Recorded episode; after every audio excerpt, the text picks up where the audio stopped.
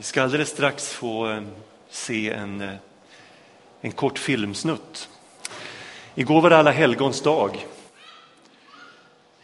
Eh, en dag när vi på ett alldeles särskilt sätt minns de som vi saknar bland oss, de som har dött, de som har lämnat oss. För många var det en dag när sorgen kom ikapp. När eh, saknaden blev väldigt påtaglig. Och därför känns det väldigt rätt och väldigt gott att idag få tala om hoppet. Gud är densamme. Igår, idag, i evighet. Gud är. Och han bjuder oss in i det livet.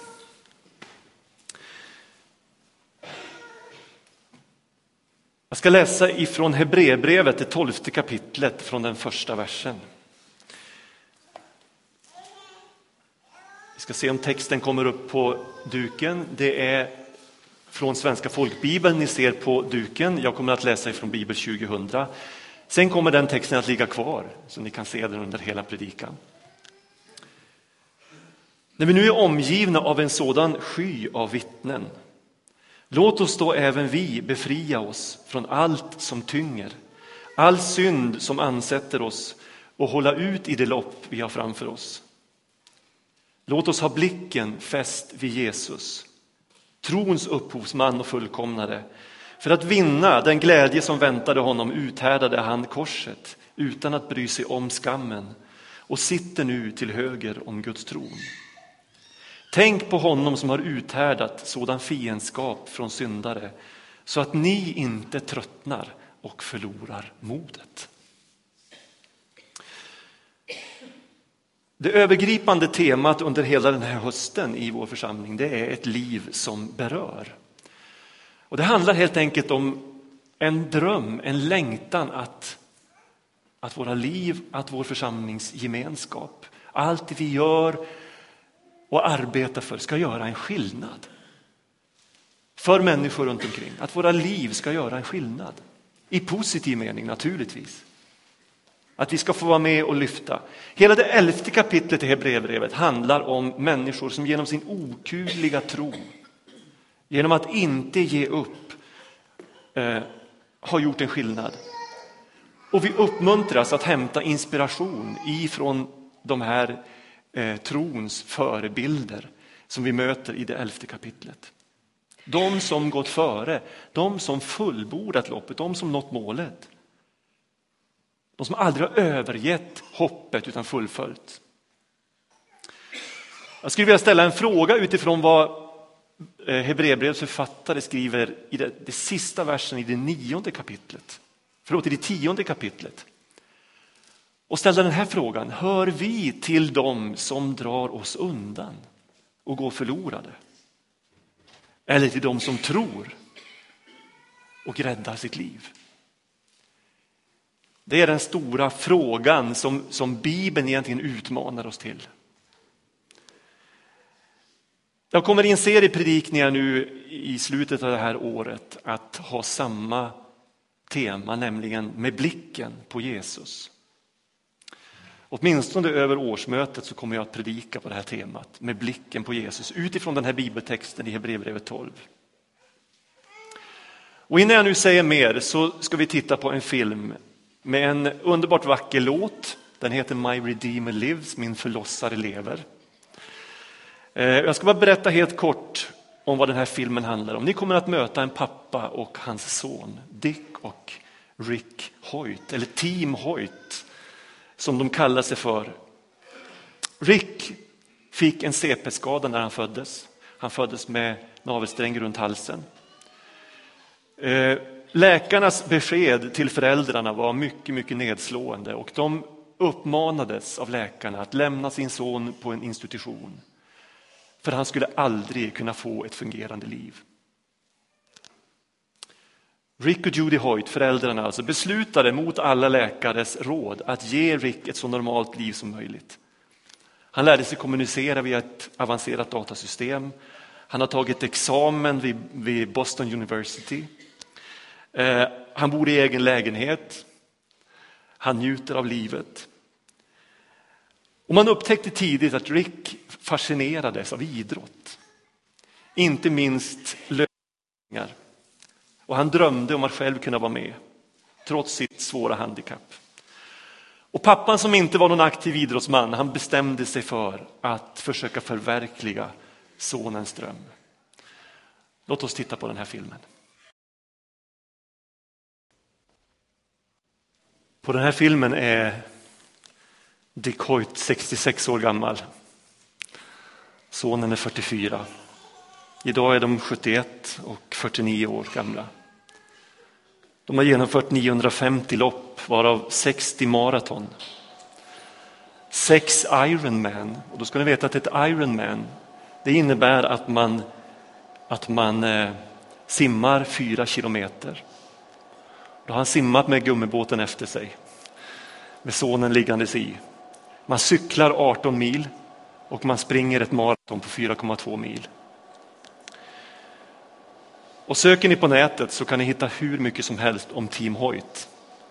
Och jag kan säga att de är stora förebilder för så många föräldrar som genom de här filmerna har förstått att man kan leva för någonting som är större än en själv. Jag såg ett filmklipp där jag hör en pappa ringa in till studion när man intervjuade Dick Hoyt. Och han säger att när jag har sett de här filmerna så har jag förstått hur själviskt jag har levt. Och att jag inte har gjort det jag borde göra för mina barn. Eh, men tack vare dig så har jag bestämt mig. Att nu vill jag leva för någonting som är större än mig själv. Du kan, ni såg att han skrev can på slutet där. Och det har blivit någonting av deras motto, lite av deras motto att det går om du bara vill. Hebreerbrevet är skrivet till en församling som drabbas av trötthet och som frestas att ge upp. Hebreerbrevet är skrivet till en församling som drabbas av trötthet och som frestas att ge upp. Eh, därför måste författaren till Hebreerbrevet lägga allt krut på att uppmuntra, på att trösta och förmana sina läsare. Och han beskriver det kristna livet som ett lopp. Eh, målet ligger framför, det är gömt i Guds ord, det är gömt i Guds löften. Och därför gäller det att fokusera. Att lägga bort allting som hindrar och att ta emot all den hjälp man kan få för att fullfölja det här loppet. Eh, och han skriver, när vi nu är omgivna av en sådan sky av vittnen. Och då kan man ju kanske spontant frestas tänka att jaha, det är alla dessa människor som har dött som på något sätt sitter på läktarplats och, och, och tittar på alla oss som lever kvar här på jorden. Men det är ingen biblisk tanke. Så det kan jag säga på en gång att det menar inte författaren. De som har gått före oss, de som nu befinner sig i paradiset, de behöver inte bekymra sig om vad du och jag gör här på jorden. Utan de lever i vila. Eh, däremot menar författaren att de människor som har gått före oss, som har visat på uthållighet, målmedvetenhet och fokus och som hur livet än har sett ut hållit fast vid sitt tro och vid sitt hopp. De människorna vittnar för oss genom ordet. De är ett vittnesbörd, de är en inspiration för oss. Att inte själva ge upp, utan fortsätta med uthållighet. Eh, det står om Abraham till exempel i det elfte kapitlet och det står om honom på många ställen i Bibeln. Bland annat står det så här, där allt hopp var ute. Där hoppades ändå Abraham och trodde. Och det är den typen av vittnesbörd Eh, som, som författaren hänvisar till. George Bernard Shaw han har sagt så här, ett liv fullt av misstag är inte bara värt mer respekt utan är också mer användbart än ett liv bortslösat på att göra inget. Eller ett liv som inte är levt. De här trons hjältar som vi möter i Hebreerbrevet 11, det är, det är absolut inga människor som hade kontroll på tillvaron. Det är inga människor som aldrig gjorde misstag. Utan det är berättelsen om människor som inte gav upp, trots att tillvaron väldigt ofta framstod som helt obegriplig. Och där tilliten till Gud var det enda man hade kvar under långa passager av sitt liv. Men man höll fast, man gav inte upp. När vi nu är omgivna av en sådan sky av vittnen, låt oss då även vi befria oss från allt som tynger, all synd som ansätter oss, skriver författaren. Vi har inte råd med onödiga bördor på det här, under det här loppet. Utan vi måste göra oss av med det som tynger. Tittar man på grundorden i den här texten så, så används ett, en, eh, en bild från just en löptävling för att förklara vad det är vi ska göra oss av med. Synden liknas vid en lös klädnad som slingrar sig och snärjer sig runt benen och hindrar löparen från att kunna fullfölja. Gör er av med allt sånt.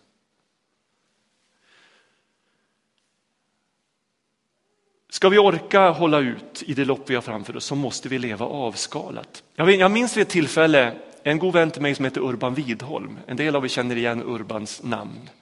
Urban eh, jobbade under många år med ett stort projekt när han skulle springa jorden runt. Han var säkert här i Lidköping också. Han skulle springa jorden runt. Han sprang Europa, han sprang Afrika, han sprang delar av Asien, han sprang Nordamerika. Och han samlade in miljontals kronor till människor i nöd.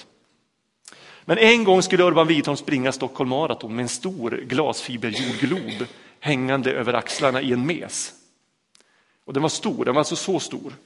Den gick ända hit ner och vägde åtskilliga kilon kan jag säga. Man skulle kunna säga att han försökte springa med hela världen på sina axlar. Och det gick inte så bra. Han orkade inte fullfölja därför att hans börda var för stor. Och det som en bild på att vi orkar inte bära hela världen om vi ska fullfölja det här loppet. Utan vi måste bestämma oss för vad det är som är vår uppgift. Vad jag ska ha fokus på. Och så skala av oss så att vi gör det vi ska göra. Det, det som eh, Gud har tänkt att vi ska göra. Eh, och man kan ju fråga sig vad det innebär att ha blicken på Jesus. Därför att det låter ju lite teoretiskt.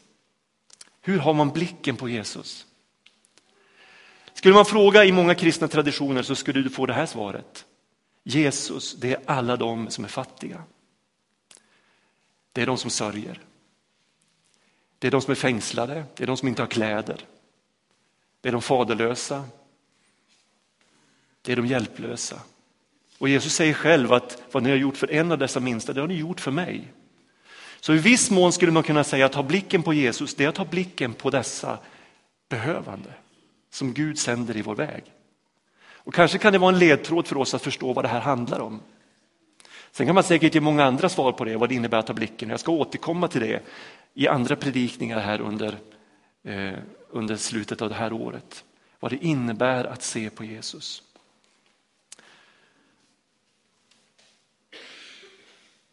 Ibland kan det vara lättare att förklara vad någonting innebär genom att förklara vad det inte innebär.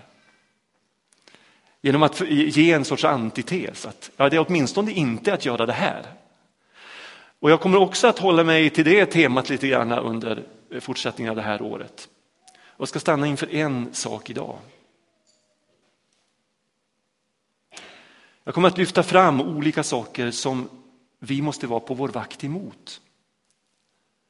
Sånt som egentligen behöver dö i våra liv för att den helige ande inte ska kvävas inom oss. Alla de här sakerna som jag kommer att beröra är, är, är dåliga surrogat för den äkta tron. Man skulle också kunna kalla dem för garderingar som avslöjar bristande tro och bristande överlåtelse. Alla de här sakerna jag kommer att beröra innebär i, i någon bemärkelse att jag tar tillbaks kontrollen istället för att lita på Gud. Jag bär ett sken av Guds fruktan men i mitt inre så har jag tagit tillbaks hela kontrollen och Gud har egentligen inte mycket att säga till om. Med ett annat eh, bildspråk från Bibeln skulle man kalla det för kampen mellan köttet och anden i mitt liv. Och den kampen är inget hokus pokus. Det är inget andligt flum att prata om att det pågår en kamp om våra liv, utan det är en praktisk verklighet. Ibland får vi för oss att det kristna livet handlar om att greppa Gud. Att liksom få tag på Gud. Men i själva verket handlar kristet liv om att Gud ska få tag på oss. Att han ska få grepp om dig. Det handlar inte om att Gud ska hamna i vår hand utan att vi ska hamna i Guds hand. Det är det som är kristet liv, att han har kontrollen, inte vi. Och därför vill jag inbjuda oss alla att inbjuda den helige ande att ta kontrollen i våra liv. Släpp kontrollen så ta inte tillbaks den, utan låt Gud leda ditt liv.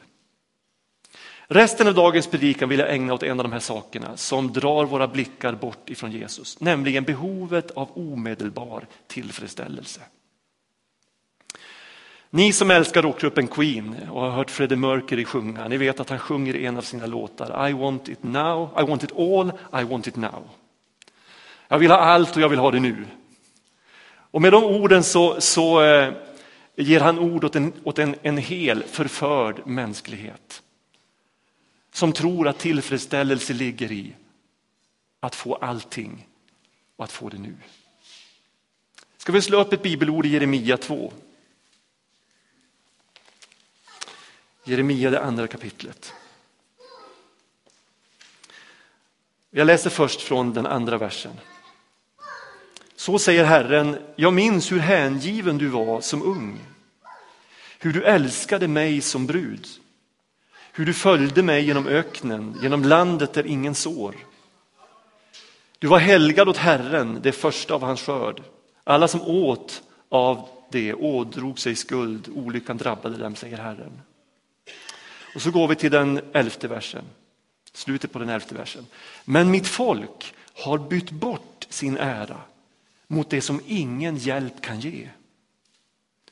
Häpna himmel över detta, rys och bäva, säger Herren.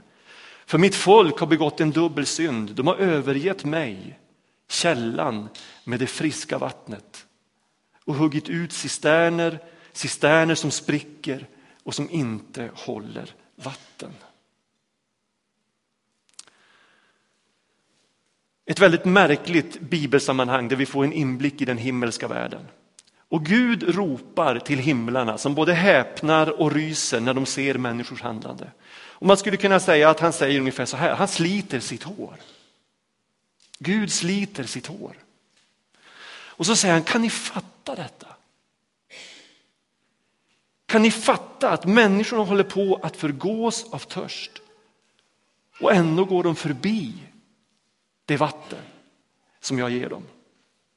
Istället gräver de den ena brunnen efter den andra med förhoppningen att de brunnarna ska släcka deras törst.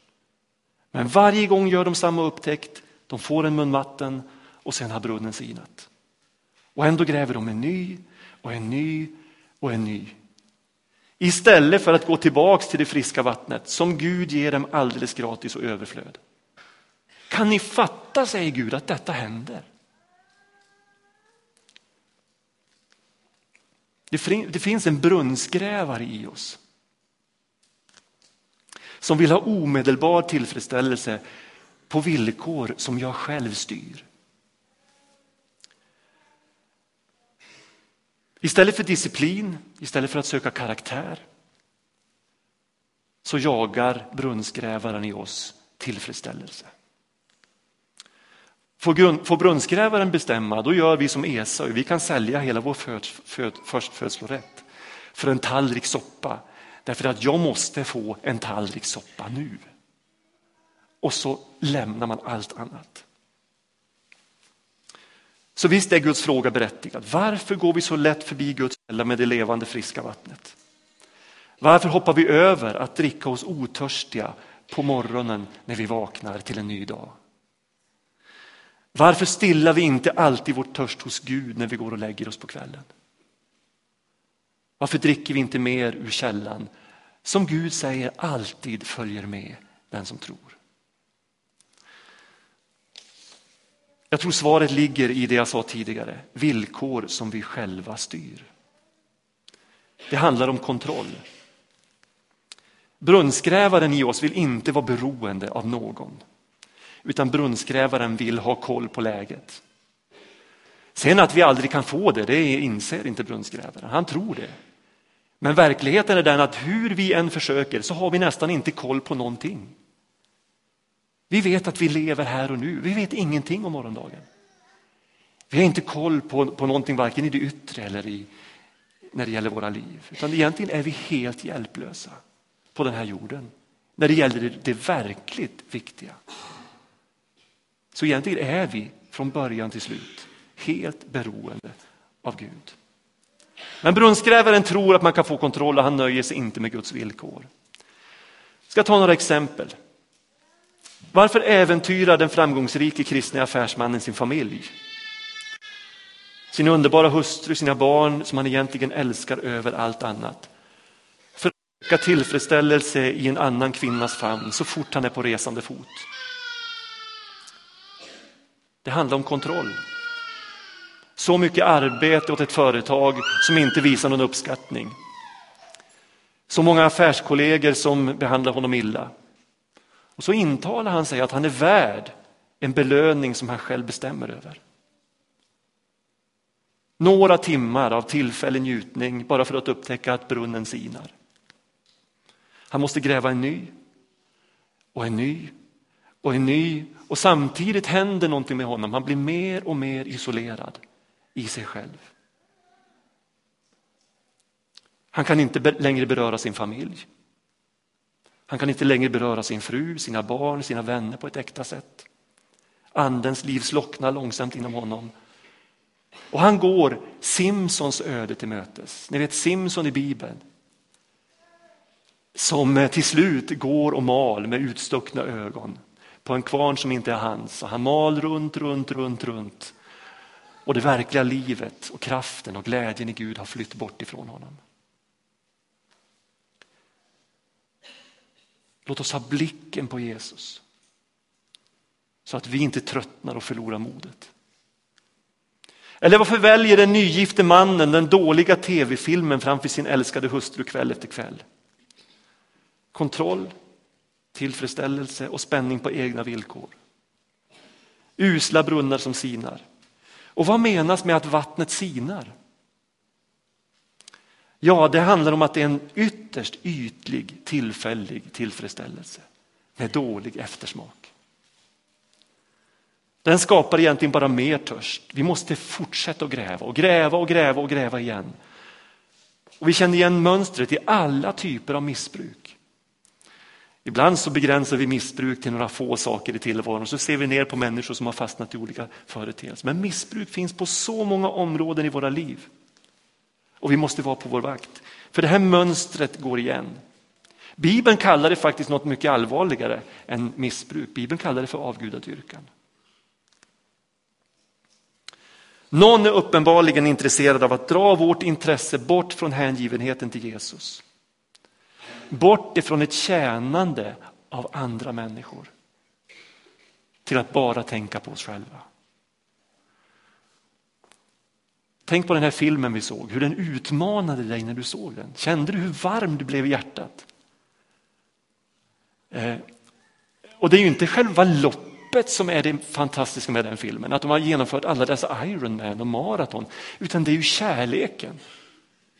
Det är ju kärleken mellan far och son. Att någon kan bli så uppfylld av att jag vill låna ut mina ben och mina armar till min son så att han kan tävla. Så att han kan göra det han vill. Det är ju det som är det fantastiska. Det är det du och jag är kallade till.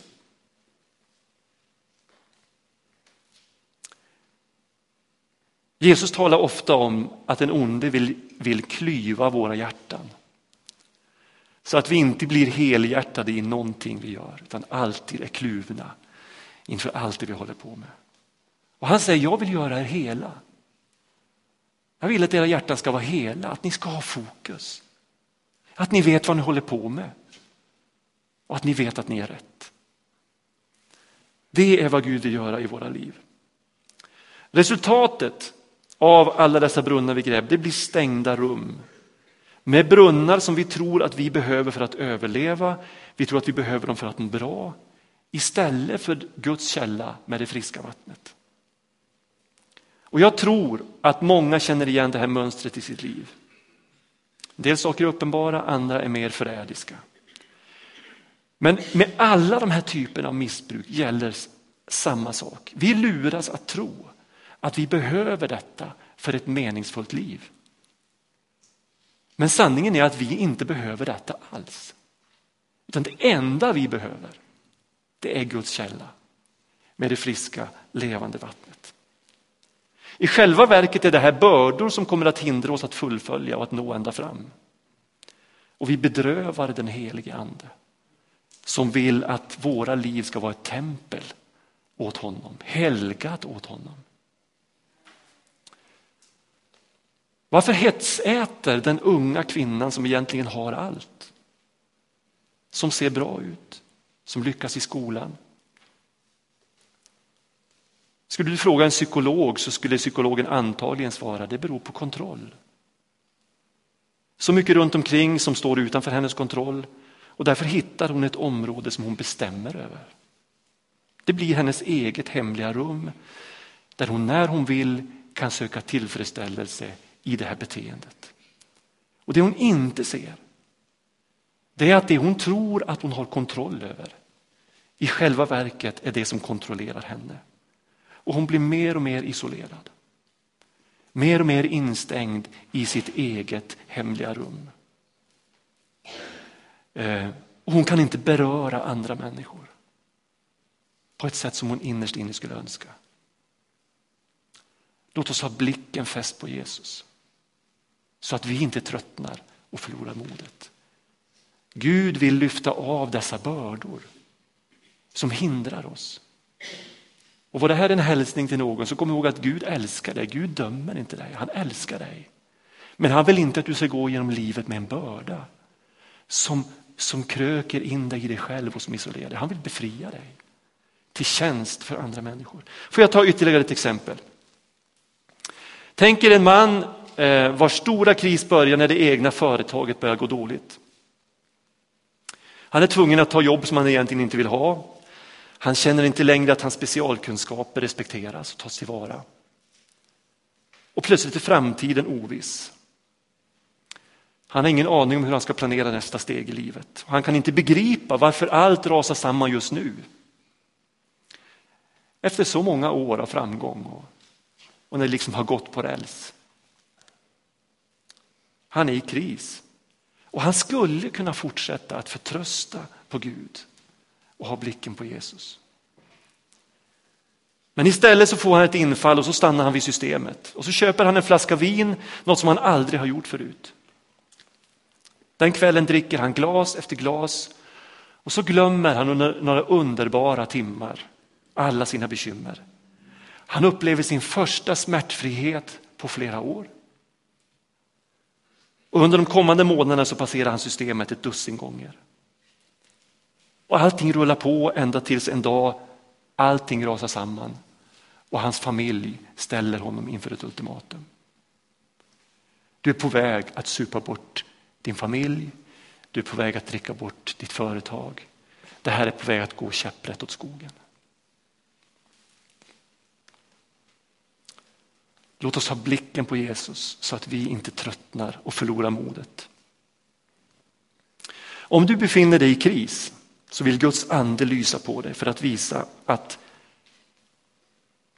de här destruktiva livsmönstren inte är ditt sanna jag. Det är inte det innersta i dig. Utan ditt innersta är mycket vackrare än så. Ehm, någon har sagt så här, hjälp mig att tro på sanningen om mig själv. Hur vacker den än är.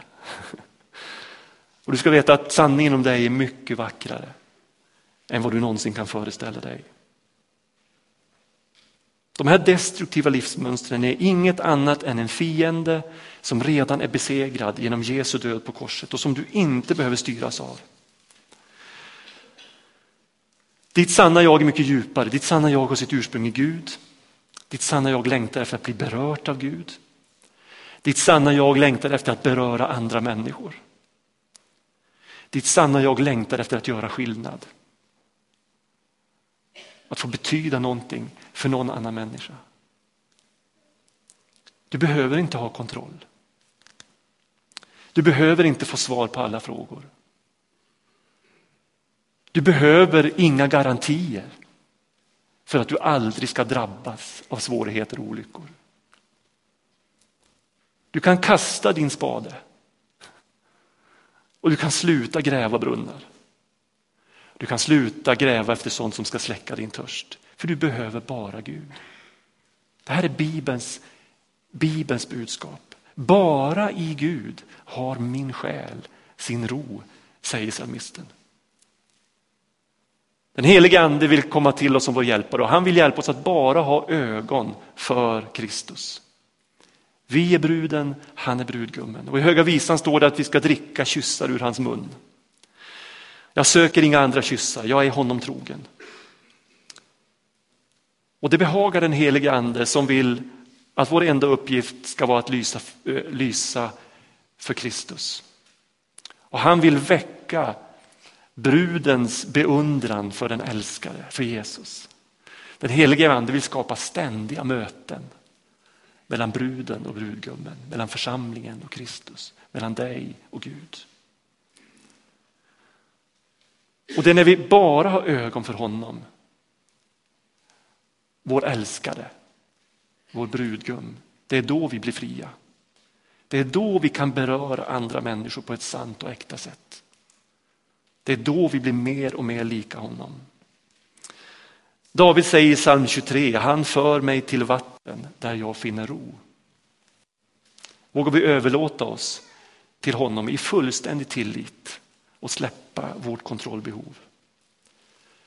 Jesus möter kvinnan vid Sykars brunn och han säger till henne om du visste vad Gud har att ge och vem det är som säger och vem det är som ber dig om vatten, då skulle du be honom och han skulle ge dig levande vatten. Ett vatten som blir en källa i dig som flödar fram och ger evigt liv. Och kvinnan tar emot och hennes liv förvandlas. Jag kan också säga att Simson får en ny chans. Han som har malt runt, runt i den här kvarnen som inte är hans med urstuckna ögon. Han får en ny chans. Och hans seger i slutet av sitt liv blir den största. I, eh, blir den största. Han fick en ny chans. Du och jag är inbjudna att utan mask, att utan skyddsnät möta Herren. Och att överlåta oss åt en kontroll bortanför vår egen. Överlåta våra liv till någonting som är större än oss själva till Guds stora frälsningsdrama. Vill du vara med? Vi ska alldeles strax fira nattvard. Och det är Herrens bord, det är när han säger till oss kom. Bordet är dukat. Ta del av brödet som är min kropp, ta del av vinet som är mitt blod. Och så vill han binda oss samman till en gemenskap av tjänande människor som ställer våra liv till Guds förfogande. Herre, jag bara tackar dig för att du är här. Tackar dig för att du har all makt i himmelen och på jorden. Tackar dig för att du vill avslöja våra falska livsmönster. De vi inte själva kan få grepp på, de vi inte riktigt ser. Och du vill visa oss på det där destruktiva som vi kanske anar finns där men som vi inte kommer åt därför att vi är blinda. Så vill du föra oss ut i den sanna friheten. Där vi kan glömma oss själva för vår medmänniskas väl. Och där vi börjar överlåta våra liv till att tjäna någonting större, någonting viktigare. Herre, tack att du är här när vi nu ska fira nattvard. Jag ber bara att din goda vilja ska ske. Jag ber att ditt rike ska landa mitt ibland oss. Och att vi bara ska få ögon för dig. Att vi ska få fästa blicken på dig, Herre. Och se dig som du är. Tackar dig för att du hör bön. I Jesu namn. Amen.